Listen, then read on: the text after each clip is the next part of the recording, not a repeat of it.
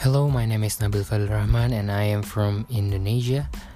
This is my first podcast and I will be back soon after my national exam. So, stay tuned.